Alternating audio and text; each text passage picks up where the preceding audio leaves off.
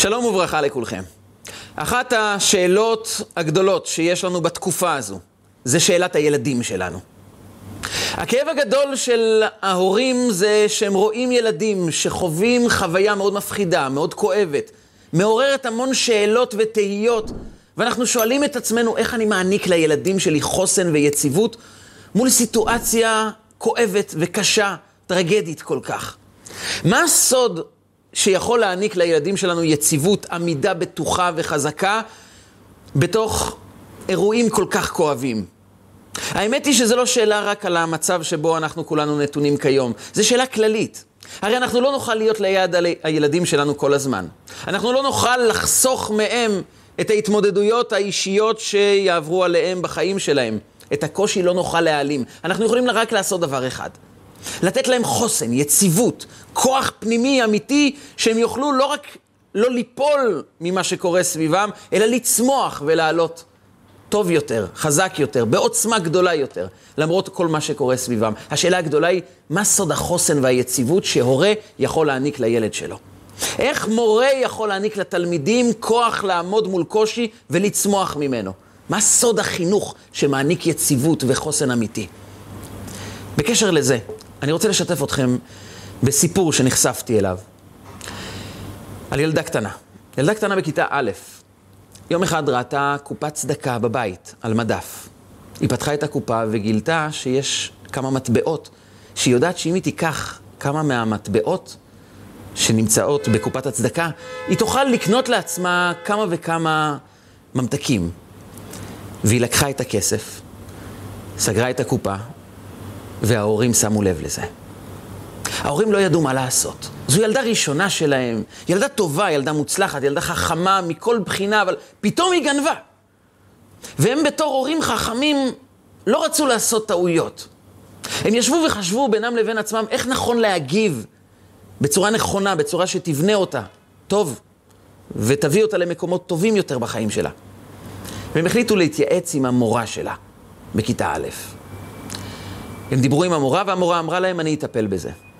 למחרת, הילדה מגיעה לבית הספר, ילדה בכיתה א', מתיישבת כמו כולם עם שאר חברותיה, והמורה פותחת את השיעור במילים הבאים. תראו, ילדות יקרות, יש לנו בכיתה גנבת. היא גנבה מקופת צדקה, ממטבעות ששייכות לעניים, היא גנבה. וגניבה זה דבר חמור מאוד. אוי למי שגונב, כמה זה חמור, כמה זה לא טוב, כמה זו מידה רעה. היא פונה לתלמידה ואומרת לה, תקומי. הנה ילדות, תראו, היא גנבת. וזה דבר מאוד חמור, אסור לגנוב. מספרת אותה ילדה, מאותו היום, נדבקה לי תווית. הרגשתי גיבנת על הגב. אני גנבת. ומאז עד גיל 12, כל פעם שהיה משהו נעלם בכיתה או בבית הספר, מיד נכנסתי לחרדות ופחדים. הנה יגידו שזה אני, כי הרי אני הגנבת. ייחסתי לעצמי לא רק את הגניבה שגנבתי, הפכתי להיות אחת שמרגישה שהיא גנבת. וזה ליווה אותי במשך שנים. עד שבגיל 12 השתחררתי מזה. היא צמחה, היא גדלה, היו לה הרבה כישרונות, מה שהוביל אותה כיום להיות אשת חינוך מהרמה הראשונה. היא הפכה להיות אשת חינוך, אבל היא סיפרה את הסיפור הזה, שבעצם מעורר בתוכנו את השאלה, מי זו המורה הזאת? איך מעיזים לעשות כזה דבר לילד? איך מבזים אותו מול כולם? איך גורמים לו להרגיש כל כך רע?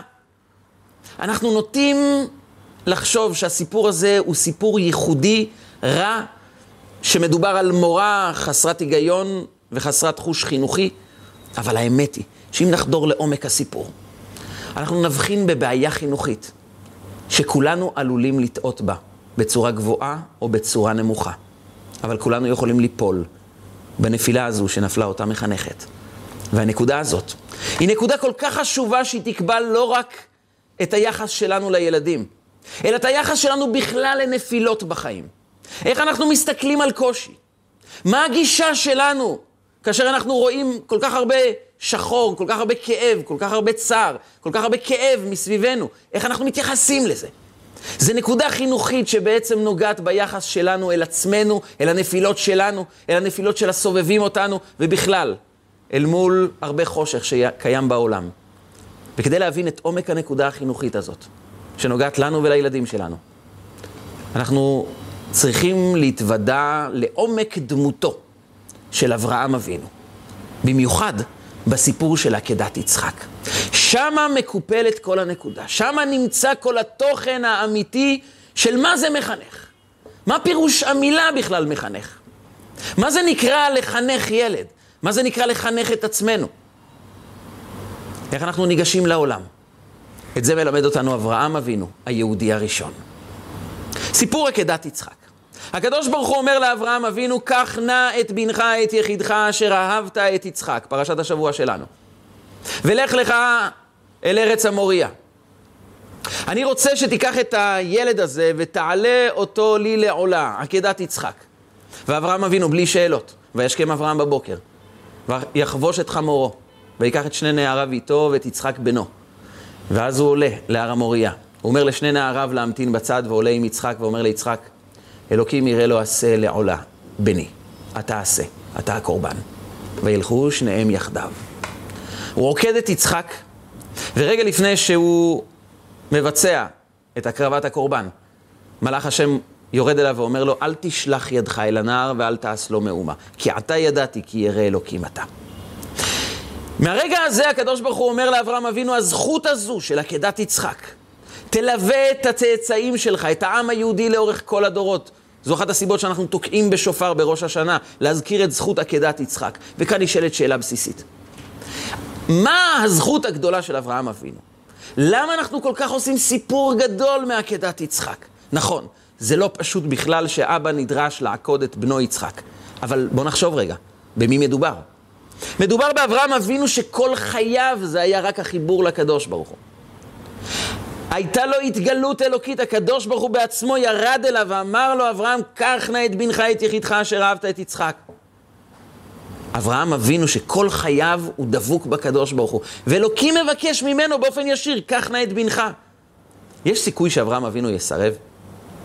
הרי הוא חווה את ההתגלות האלוקית שהיא בעצם המקור של חייו, המקור של העולם כולו, המקור של יצחק. לא שייך בכלל שאברהם אבינו יסרב לכזה דבר.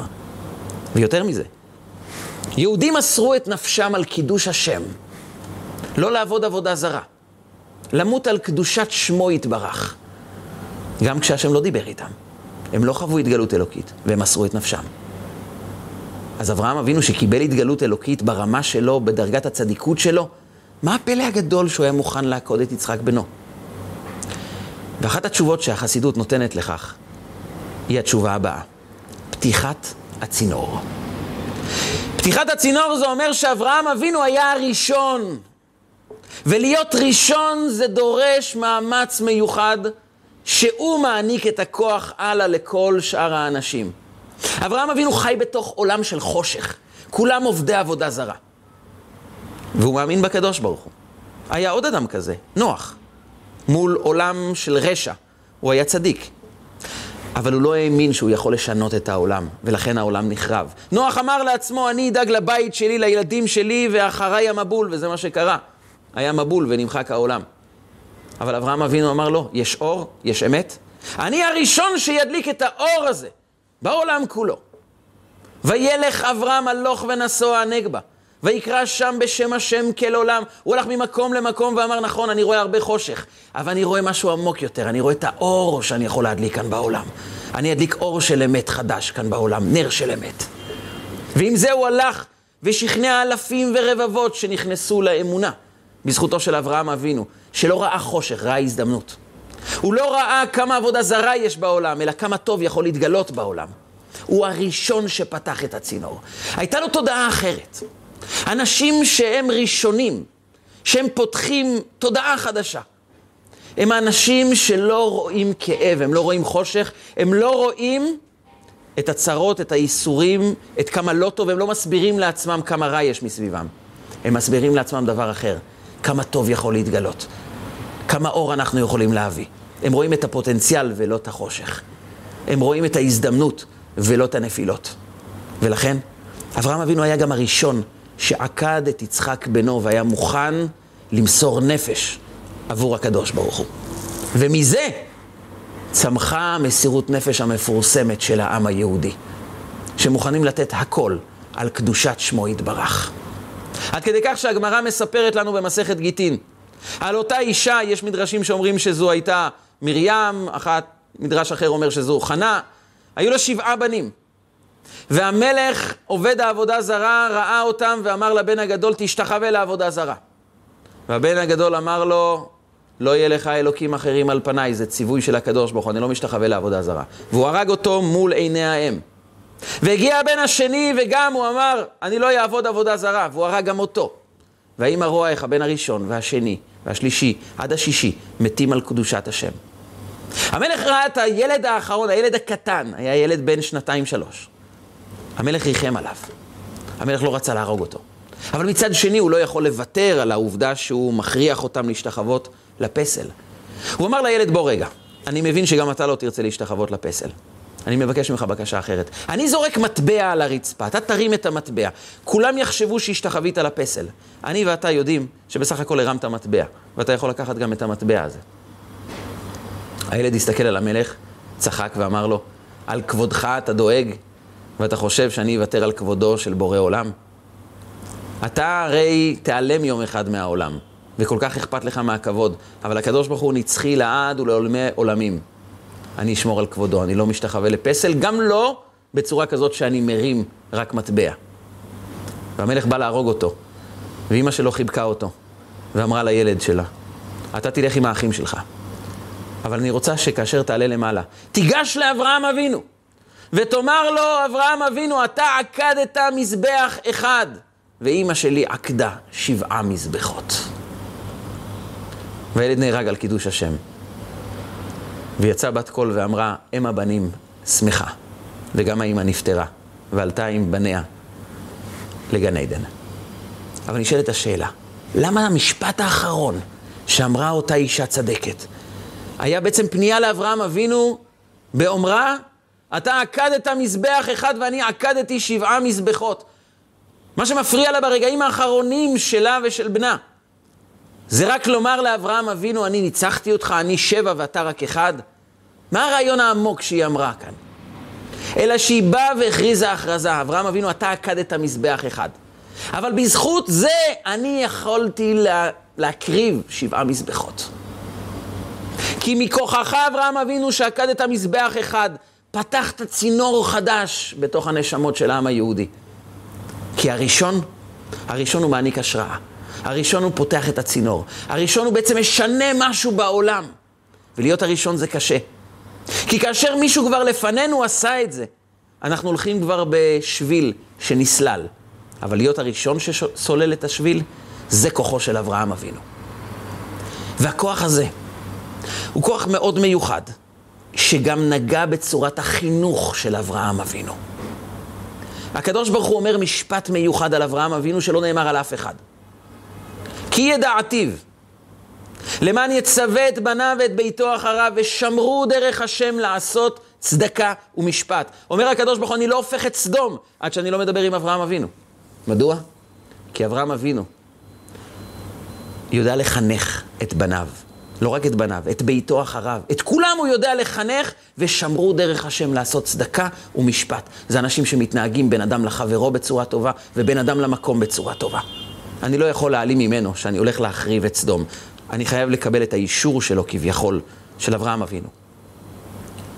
ועד כדי כך המשפט הזה הוא כל כך עוצמתי, שזה הביא את רבי שמעון בר יוחאי לומר את המשפט הבא, זה מובא בתוספתא במסכת סוטה. אמר רבי שמעון בר יוחאי, ארבע דרשות דרש רבי עקיבא, ואני דרשתי את אותם פסוקים אחרת, ונראין דבריי מדבריו. אני דרשתי טוב יותר ממנו. וזה משפט מפתיע. רבי שמעון בר יוחאי, תלמידו של רבי עקיבא, שהוא יודע שהקדוש ברוך הוא במתן תורה היה קושר כתרים לאותיות. ומשה רבנו שאל את הקדוש ברוך הוא, בשביל מי אתה עושה את זה? הוא אומר, בשביל עקיבא בן יוסף. יום יבוא ויקום צדיק, רבי עקיבא שמו, ויהיה דורש תילי תילים של הלכות על קוצו של יוד. משה רבנו כבר אמר לקדוש ברוך הוא, אולי עדיף שתיתן את התורה על ידו ולא על ידי. והקדוש ברוך הוא אמר לו, ההחלטה שלי שאתה זה שתיתן את התורה. אבל רבי עקיבא היה גדול הדורות. כל התלמוד הבבלי ניזון ממנו, וכולהו אליבא דרבי עקיבא. כל התורה שבעל פה הגיעה אלינו מרבי עקיבא. הוא זה שחיזק אותה, העביר את המסורת, דרש את הדרשות, נתן את הבסיס לכל התלמוד הבבלי.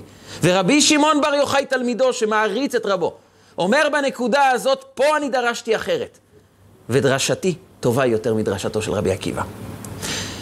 הוויכוח ביניהם, המחלוקת ביניהם נעוצה בפסוק שמופיע בפרשת השבוע. שרה רואה את ישמעאל מצחק. ואז היא מבקשת מאברהם אבינו, גרש את האמה הזאת ואת בנה, כי לא יירש בין האמה הזאת עם בני, עם יצחק. אתה חייב לגרש אותו. ראיתי אותו מצחק. ולכן אתה צריך לגרש אותו ואת אימא שלו. כי הוא לא יכול לשהות כאן בבית עם יצחק. דרש רבי עקיבא. מה היא ראתה אותו עושה? מה זה שראתה אותו מצחק? דרש רבי עקיבא ואמר, היא ראתה את ישמעאל עובר על עבודה, עבודה זרה, גילוי עריות ושפיכות דמים, שלושת העבירות החמורות ביותר. ורבי עקיבא מוכיח מהפסוקים, מי ויקומו לצחק, יקומו הנערים וישחקו לפנינו, הוא עבר על עבודה זרה, על גילוי עריות ועל שפיכות דמים. ולכן היא אמרה לאברהם אבינו, גרש את האמה הזאת ואת בנה. הוא לא יכול לשהות כאן, הוא הורס את החינוך של יצחק, הוא הורס את הבית שלנו, הוא הורס את כל החינוך שאנחנו מחנכים את העולם. אמר רבי שמעון בר יוחאי, לא יכול להיות. לא יכול להיות שישמעאל חוטא. וכי יכול להיות שהאדם, אברהם אבינו, שעליו נאמר, כי ידעתיו למען יצווה את בניו ואת ביתו אחריו ושמרו דרך השם. לעשות צדקה ומשפט. אפשר שבבית הזה יהיה עבודה זרה, גילוי עריות ושפיכות דמים? לא ייתכן. ישמעאל לא חטא. לא בעבודה זרה, לא בגילוי עריות ולא בשפיכות דמים. בשום חטא. הוא היה צדיק. הוא ואימא שלו. ואימא שלו נקראת לא רק הגר, אלא גם כתורה, לפי שנעין מעשיה כקטורת. היא בחרה לעזוב בית מלכים, היא הייתה בתו של מלך מצרים, ואמרה, היא ואבא שלה, עדיף להיות שפחה בבית של אמת אלוקית אצל אברהם אבינו, מבת מלכים במקום של שקר. אז למה שרה אמרה לאברהם אבינו, גרש את האמה הזאת ואת בנה? מה זה שהיא ראתה את ישמעאל מצחק? דרש רבי שמעון בר יוחאי ואמר, היא ראתה אותו מצחק, הכוונה. הוא צחק כאשר יצחק נולד, כי כאשר יצחק נולד, כל האנשים אמרו, הנה קם יורש לאברהם אבינו. הנה הוא נוכל פי שתיים, הוא מקבל פי שתיים בנכסיו של אברהם אבינו. הוא ההמשך של אברהם אבינו. וישמעאל היה צוחק ואומר, טעות, אני הבכור, אני זה שיורש פי שתיים, אני ההמשך הגדול של אברהם אבינו.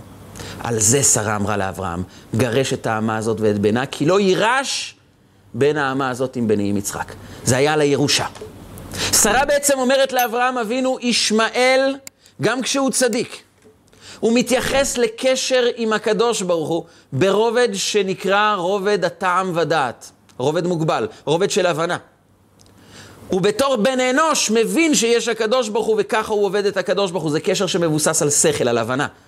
לכן את הברית מילה שלו הוא עושה בגיל 13, כשהוא מגיע לרמת הבנה מספיקה, כדי לומר לעצמו, אני מוכן להיות קשור עם הקדוש ברוך הוא. אבל קשר כזה זה קשר מוגבל. בן אנוש הוא מוגבל. ולכן כל קשר שהוא יוצר תמיד יהיה מוגבל. הוא תמיד נתון לביטול. כי אם זה מבוסס על הרגשות שלי ולהבנה שלי, יום יבוא וישתנו הרגשות, ייעלמו התובנות, ומהקשר לא יישאר שום דבר. העם היהודי זה עם אחר. שרה אומרת לאברהם אבינו, יצחק נולד בצורה על-טבעית. הברית מילה שלו בגיל שמונה ימים, כיוון שהקשר שלו עם הקדוש ברוך הוא זה לא קשר שמבוסס על רגשות ועל שכל, זה קשר פנימי של אבא ובן שאי אפשר לבטל אותו. לכן לא מחכים שהוא יבין, הוא פשוט קשור מעצם מהותו, בצורה על-טבעית, לקדוש ברוך הוא. ולכן לא יירש בין האמה הזאת עם בני, עם יצחק. ההמשך שלך, אברהם אבינו, שבאת לגלות קשר פנימי, עמוק, עצמי, על-טבעי. אתה בא לייסד את העם היהודי. זה יכול להיות רק דרך יצחק, לא דרך ישמעאל. אתה חייב להפריד. לכן היה קשה לאברהם אבינו לעשות את זה. עד שהקדוש ברוך הוא בא ואמר לו, כל אשר תאמר לך שרה, שמע בקולה, כי ביצחק יקרא לך זרה. יצחק הוא ההמשך שלך. אבל נשאלת השאלה, מה שכנע כל כך את רבי שמעון בר יוחאי, שלא יכול להיות שישמעאל חטא? מה יש בפסוק הזה שבעצם בא ואומר, אצל אברהם אבינו אף אחד לא נכשל, אף אחד לא נופל, כולם צדיקים, כולם שומרים דרך השם לעשות צדקה ומשפט. מה מיוחד בדרך החינוך של אברהם אבינו? זה אותו דבר שהיה בעקדת יצחק, פתיחת הצינור. אברהם אבינו, בצורה החינוכית שלו, לא מאמין לנפילות שמתרחשות לפעמים לאנשים. הוא תמיד מאמין שהיום אתה פותח דף חדש. אם אנחנו נביט על צורת החינוך, לפעמים שאנחנו רוצים לחנך, או רוצים להביע מסר, או רוצים לבטא חשיבות של ערך מסוים, אנחנו עושים את זה בצורה הבאה, למשל, הילד שיקר, אז אנחנו פונים לילד ואומרים לו, אתה שיקרת. אתה יודע כמה חמור השקר? אתה יודע כמה גרוע זה? אתה יודע איזה עבירה זה? שהתורה לא אמרה לא תשקר, היא אמרה מדבר שקר תרחק. לא רק שאסור לשקר, צריך להתרחק משקר. ואתה שיקרת. אנחנו לא מוכנים שבבית שלנו יהיו שקרנים, ואתה שקרן? אנחנו רוצים להעצים את חומרתה של העבירה, כדי שהילד יתנתק מזה, כי הוא יגיד אם זה כל כך חמור, אני לא רוצה להיות שם. אנחנו לא שמים לב לצד השני של המטבע. כשאתה מסביר לילד כמה חמור מה שהוא עשה, וכמה זה לא בסדר, וכמה עונשים הוא יקבל על זה, וכמה אנחנו רואים את זה בחומרה. לאט לאט הילד מתחיל להבין שזו עבירה מאוד חמורה. אבל הוא מבין עוד דבר, שהעבירה זה אני בעצמי. אם אני חטאתי בעבירה כזו חמורה, כנראה שזה מי שאני. ואז הוא מתחיל לייחס את העבירה אל עצמו, אז הוא מקבל תווית שלא רק אדם ששיקר, אלא אדם שקרן. לא רק שהוא ביצע גניבה, הוא גנב בעצמו. ואז העצמנו את חומרתה של העבירה, אבל פספסנו את הנשמה של הילד. הדבקנו עליו תווית. הדבקנו עליו מעין הילה כזאת, רעה, שאני לא בסדר. ואז הוא מתחיל לזהות את עצמו עם הבעיה. וזה הכישלון הגדול, שהרבה פעמים אנחנו יכולים לבצע בלי לשים לב. מרוב שאנחנו עסוקים ב... תיקח אחריות, עשית רע, עשית לא טוב, זה חמור מאוד, אתה חייב לקחת אחריות על מה שעשית. הוא ייקח אחריות, אבל בצורה כזאת שהוא יגיד, איך אני יוצא מפה? איך אני מפסיק להיות כזה בכלל? מישהו מאמין שאני בכלל יכול להיות אחרת? אם אני ביצעתי כזו עבירה וכולם כועסים עליי, גם המנהל וגם המורה וגם ההורים, וכולם מסתכלים עליי ואומרים לי, אתה שקרן, אז כנראה שזה מי שאני. זה לא טוב, אבל אין לי ברירה אחרת. אני לא יכול לצאת מזה. זה מי שאני. זו הייתה טעותו של אלישע בן אבויה. שימו לב דבר מפתיע. כל ההלכות משמו של אלישע בן אבויה, הן נקראות הלכות משמו של אחר. לא מזכירים את שמו כיוון שהוא ירד מהדרך, כפר בקדוש ברוך הוא, היה אויב של העם היהודי, סייע לרומאים. ולכן דברי התורה משמו הם נקראים בשם אחר אומר, חוץ ממשנה אחת. משנה בפרקי אבות, בפרק ד', משנה כ'. אלישע בן אבויה אומר, הלומד ילד למה הוא דומה לדיו כתובה על נייר חלק. והלומד זקן למה הוא דומה? לדיו כתובה על נייר מחוק. במילים אחרות, ילד שלומד זה נחרט בתוכו, זה נשאר בו. זה ילווה אותו לכל חייו. כי זה כמו דיו שכתובה על נייר חלק. זקן שבא ללמוד, זה לא נתפס. זה יישכח במהרה, זה לא חודר בצורה חזקה, זה כמו דיו כתובה על נייר מחוק. ונשאלת השאלה בחסידות, מה המשנה באה לעשות? היא באה לחזק את הילדים ולייאש את המבוגרים? הרי ילד שיקרא את המשנה יגיד, אוקיי, יש לי הזדמנות מצוינת, טוב מאוד, אני שמח, בעזרת השם אני אלמד תורה בצורה חזקה, כי זה ייחרט בי, יישמר בי, יחדור בי לכל חיי. אבל האדם המבוגר שהולך לקרוא את המשנה, מה הוא לומד? שאתה כבר נייר מחוק, שאתה כבר לא תוכל לדעת, אתה כבר לא תוכל להבין. המשנה באה לייאש את האנשים המבוגרים. הרי זה ודאי שכל אות בתורה בא רק לחזק ולרומם אותנו. ולמשנה היה חשוב לומר, אלישע בן אבויה אומר, ילד שלומד זה כמו דיו כתובה על נייר חלק, אבל זקן, דיו כתובה על נייר מחוק. איך היא מרוממת את האנשים המבוגרים יותר שיקראו את המשנה? חלק מרבותינו המפרשים מסבירים את הדבר הבא. ילד וזקן זה לא שאלה של גיל, זה שאלה של תודעה. תודעתו של ילד היא שונה לחלוטין מתודעתו של הזקן. ניקח דוגמה. ילד קטן שמתחיל ללכת, הוא נופל עשרות ומאות פעמים עד שהוא לומד ללכת. למה הוא לא מתייאש? מה גורם לו לקום שוב פעם ולנסות ללכת? הרי ראית שאתמול ושלשום, וכמה פעמים ניסית וכל פעם נפלת. מה מעודד אותך לנסות עוד פעם? למה אתה לא מתייאש? והתשובה היא, תכונתו של ילד זו תכונה של אדם ששכח מה היה, והיום מתחיל מההתחלה.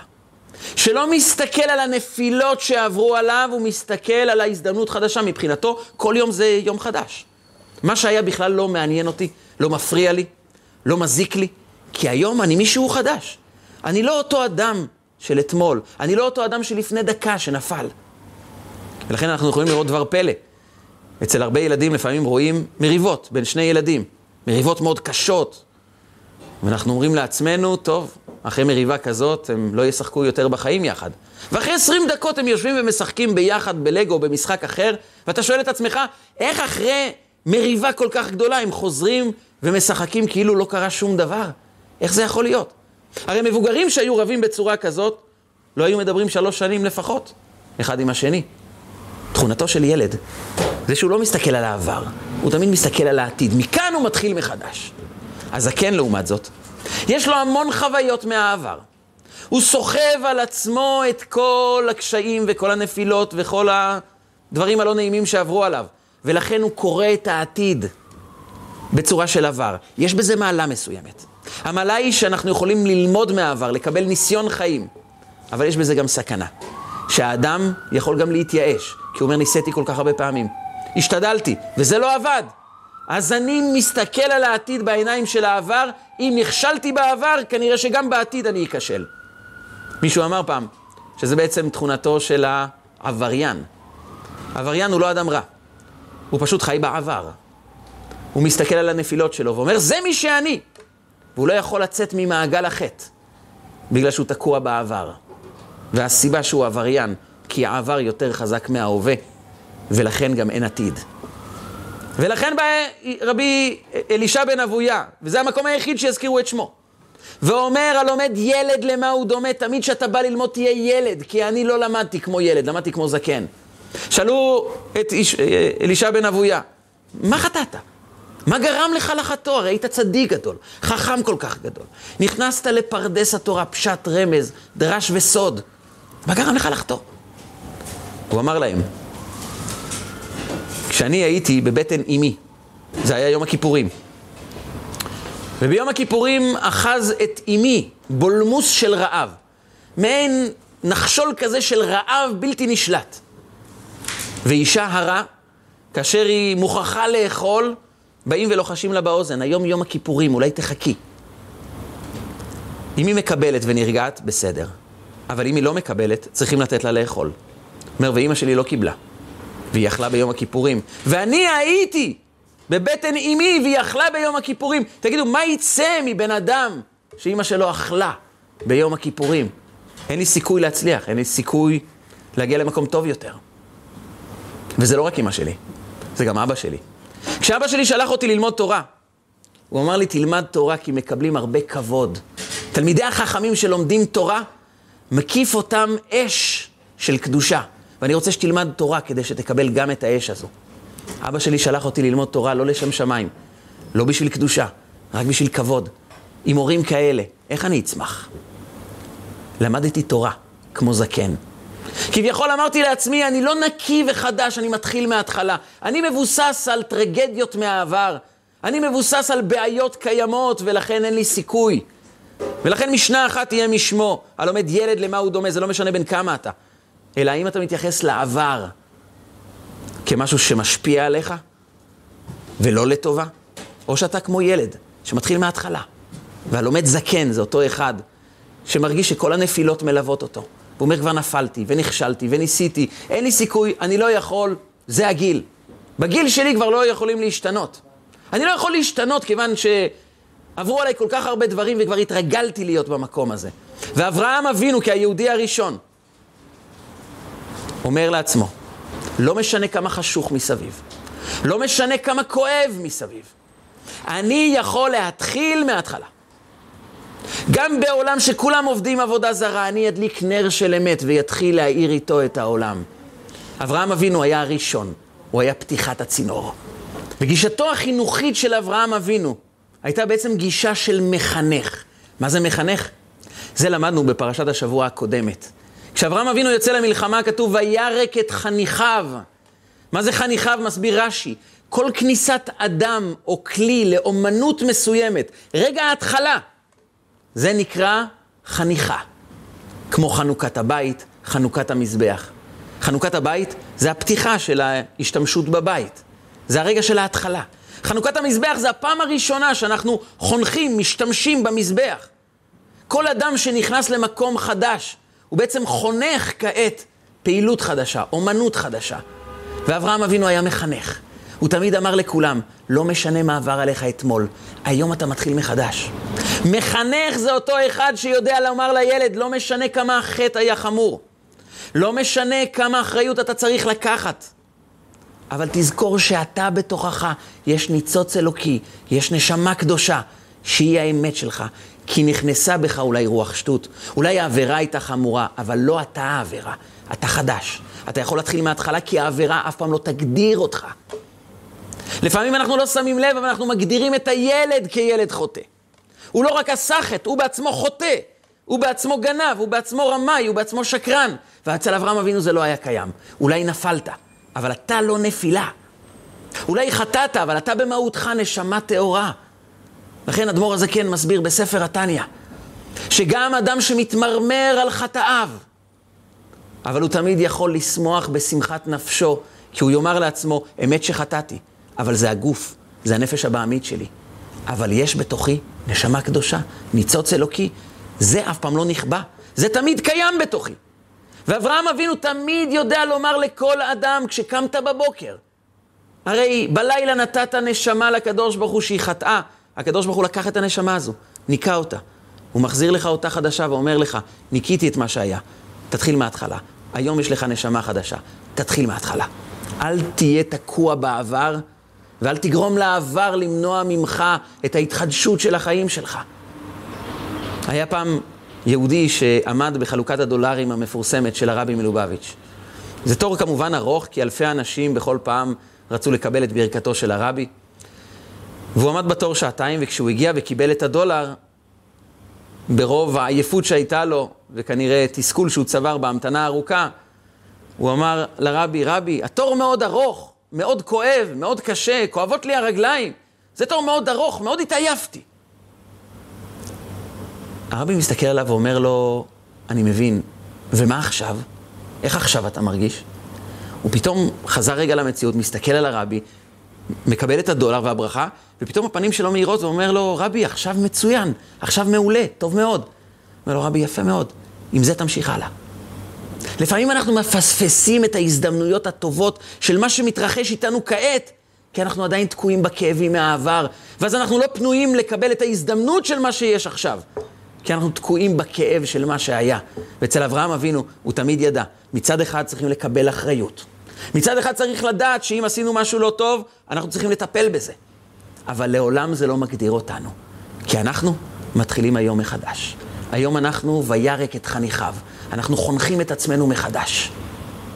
וכאשר אדם מתייחס לעצמו כך, שהוא לא מייחס את הנפילות לעצמו, הוא לא חי כזקן אלא כילד. הוא לא אומר נפלתי ונכשלתי וזה מי שאני. וכשאדם רואה את עצמו ככישלון, הוא מהר מאוד יראה בילדים שלו כישלונות. הוא יראה את הכישלונות של העולם ואת הכישלונות של אנשים סביב. הוא לא יראה את ההצלחות. כי אדם שלא רואה בתוכו הזדמנויות, לא יכול לראות פוטנציאל אצל אחרים, בטח לא אצל הילדים שלו. אבל אברהם אבינו היה לו בית מיוחד, שעליו אומר הקדוש ברוך הוא, כי ידעתיו, למען יצווה את בניו ואת ביתו אחריו, ושמרו דרך השם לעשות צדקה ומשפט. כי לא משנה מי ייפול, אברהם אבינו ילמד אותו, תיקח אחריות, אבל תזכור שאתה נשמה אלוקית. תזכור שאתה צדיק. תזכור שבמהותך אתה טוב, ותתחיל מההתחלה. אברהם אבינו ילמד אותנו מצד אחד לקבל אחריות, ומצד שני לא לאבד את המהות שלנו. ולזכור, בפעם הבאה אני אהיה טוב יותר, כי זה מי שאני באמת. אני למדתי מהנפילה. אני מנצל את ניסיון החיים שלי כדי להיות ילד שאומר, עכשיו אני יודע איך להתחיל מחדש, והרבה יותר טוב. ובגישה כזאת, אף אחד לא יכול ליפול שמה. כי הנפילה לא מתרחשת בעקבות המעשה הלא טוב שעשינו. מעשים רעים לא מפילים בן אדם.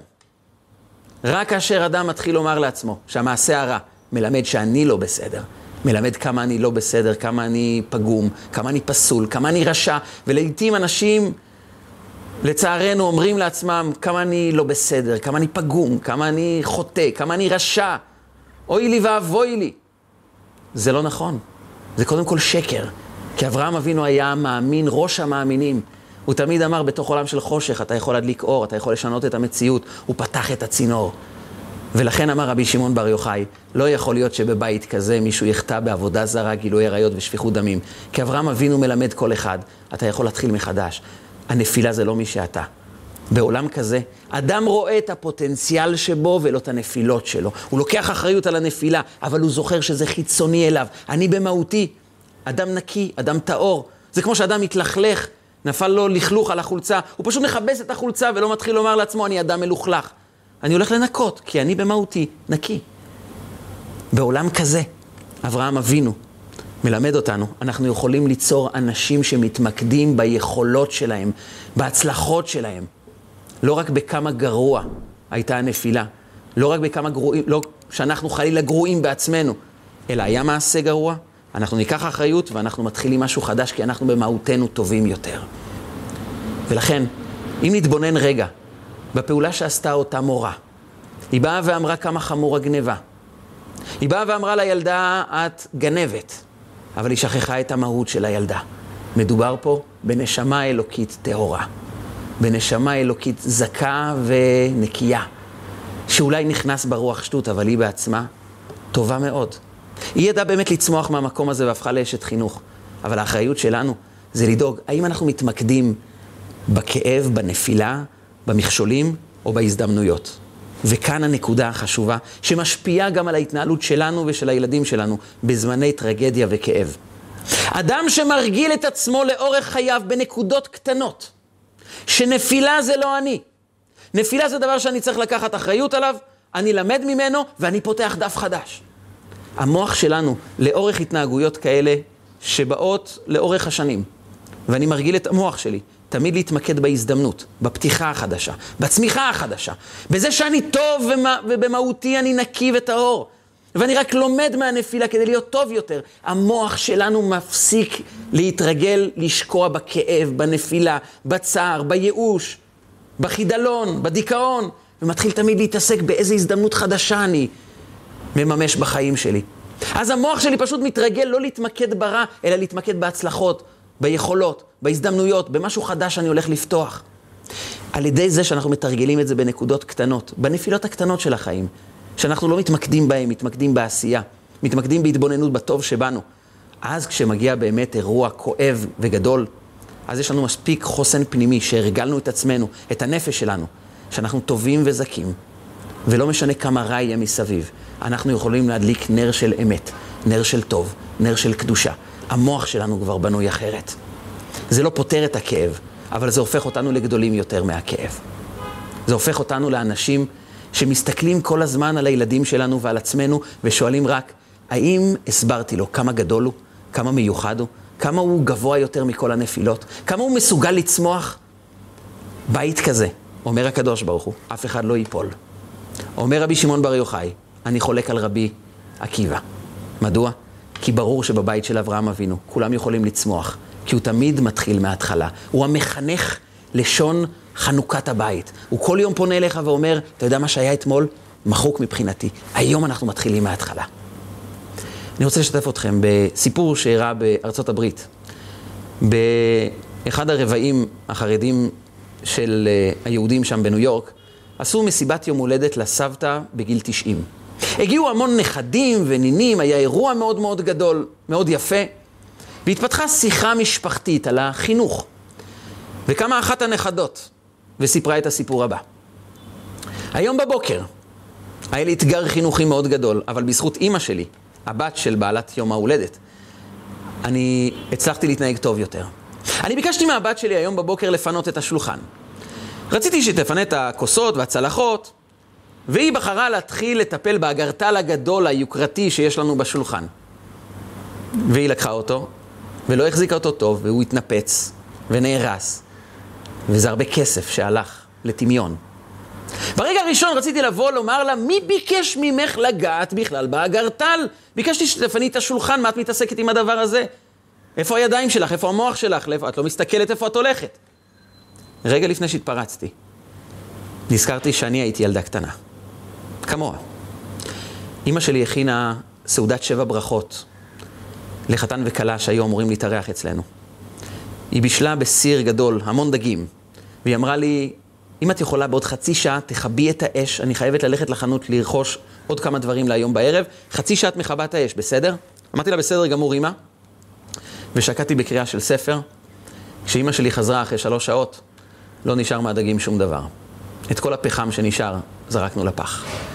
הייתי בטוחה שאימא תכעס עליי, אבל ראיתי אותה מתגברת ואומרת לי, ילדה יקרה שלי, אני בטוחה שלמדת שיעור לחיים שלך, ואני בטוחה עוד יותר שבפעם הבאה את תהיי זהירה הרבה יותר.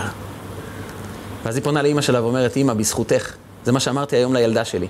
באתי ואמרתי לה, בטח למדת את השיעור, אני בטוחה שבפעם הבאה את תהיי זהירה יותר. כולם מחאו כפיים לאימא, אבל האימא סימנה לכולם לעצור, והיא קמה ואמרה, אני זוכרת את הסיפור הזה טוב מאוד. כי באמת זה היה הפסד כספי מאוד גדול, וכמה שעות לפני השבע ברכות, מאיפה אני אביא דגים, מתי אני אספיק לבשל אותם, זה באמת היה אירוע לא נעים. אבל התודה היא לא מגיעה לי, היא מגיעה לאימא שלי. כי באמת באתי לצעוק על הבת שלי, ואז נזכרתי בסבתא, שהיום אנחנו חוגגים לה את יום ההולדת. שהיא אמרה לי, וזה היה בתקופה שהיה עוני בבית שלנו.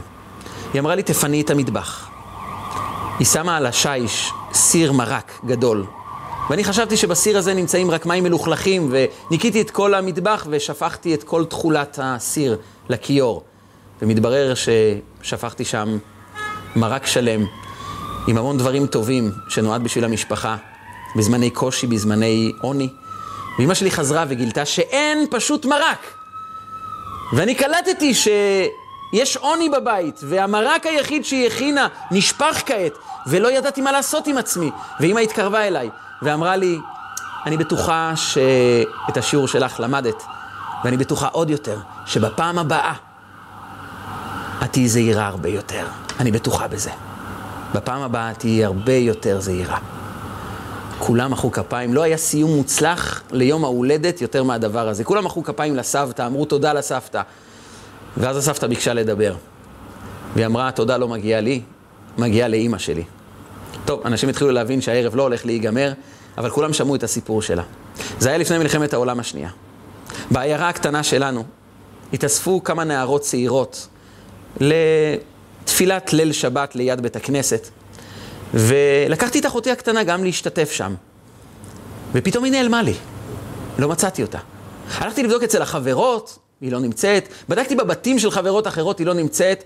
קראתי לאבא שלי וכל אנשי בית הכנסת פשוט חיפשו את אחותי הקטנה. זה עיירה של גויים, אנטישמים, ומי יודע איפה היא הלכה. והתכנסתי בתוך עצמי, הייתי גם ילדה קטנה בסך הכל. התכווצתי בתוך עצמי, אמרתי לעצמי, אני אראה את אחותי יום אחד, מה יהיה, מה עשיתי? ואימא שלי לא אמרה לי שום דבר, היא עודדה אותי, ואחרי ארבע שעות, ברוך השם, מצאנו את אחותי הקטנה. אימא שלי ניגשה אליי ואמרה לי, אני יודעת שבפעם הבאה את תהיי זהירה יותר. ובזכות זה אני אמרתי לבת שלי את אותם מילים. כששמעתי את הסיפור הזה, אמרתי, אולי זה כוונת הפסוק. כי ידעתיו, אומר הקדוש ברוך הוא, על אברהם אבינו, אשר יצווה את בניו ואת ביתו אחריו, ושמרו דרך השם לעשות צדקה ומשפט. כשאתה רואה בבן אדם את הפוטנציאל שלו, לא את הכישלון שלו, אתה לא מסביר לו כמה הוא נכשל, ילד יודע שהוא נכשל. ילד מבין שהוא לא היה בסדר, הוא לא זקוק שתאמר לו כמה הוא לא בסדר, הוא זקוק לדבר אחר, שתאמר לו כמה טוב הוא יכול להיות. כמה הוא טוב במה הוא טוב, והוא מסוגל לקבל אחריות, ומסוגל להיות בפעם הבאה טוב יותר. את זה הוא זקוק לשמוע מאיתנו. ואברהם אבינו אומר לכל אחד, אתה מתחיל מההתחלה. וכשאתה מסתכל על הילד ורואה בו את הפוטנציאל, רואה בך את ההזדמנות, זה לא משפיע רק עליך ועל הילד שלך, זה משפיע גם על דורות קדימה. זה יעבור מאבא לבן, מסבתא לנכדה, זה יעבור לנינים וזה לא ייפסק לעולם, כי מי שרואה נקודת התחלה בכל אחד, ימשיך לראות גם באחרים את נקודת ההתחלה הטובה שבהם. ובמקום לראות עולם חשוך, הוא יראה הזדמנות. במקום להתעסק עם כאבים וטרגדיות, הוא יתעסק בעשייה טובה וחיובית.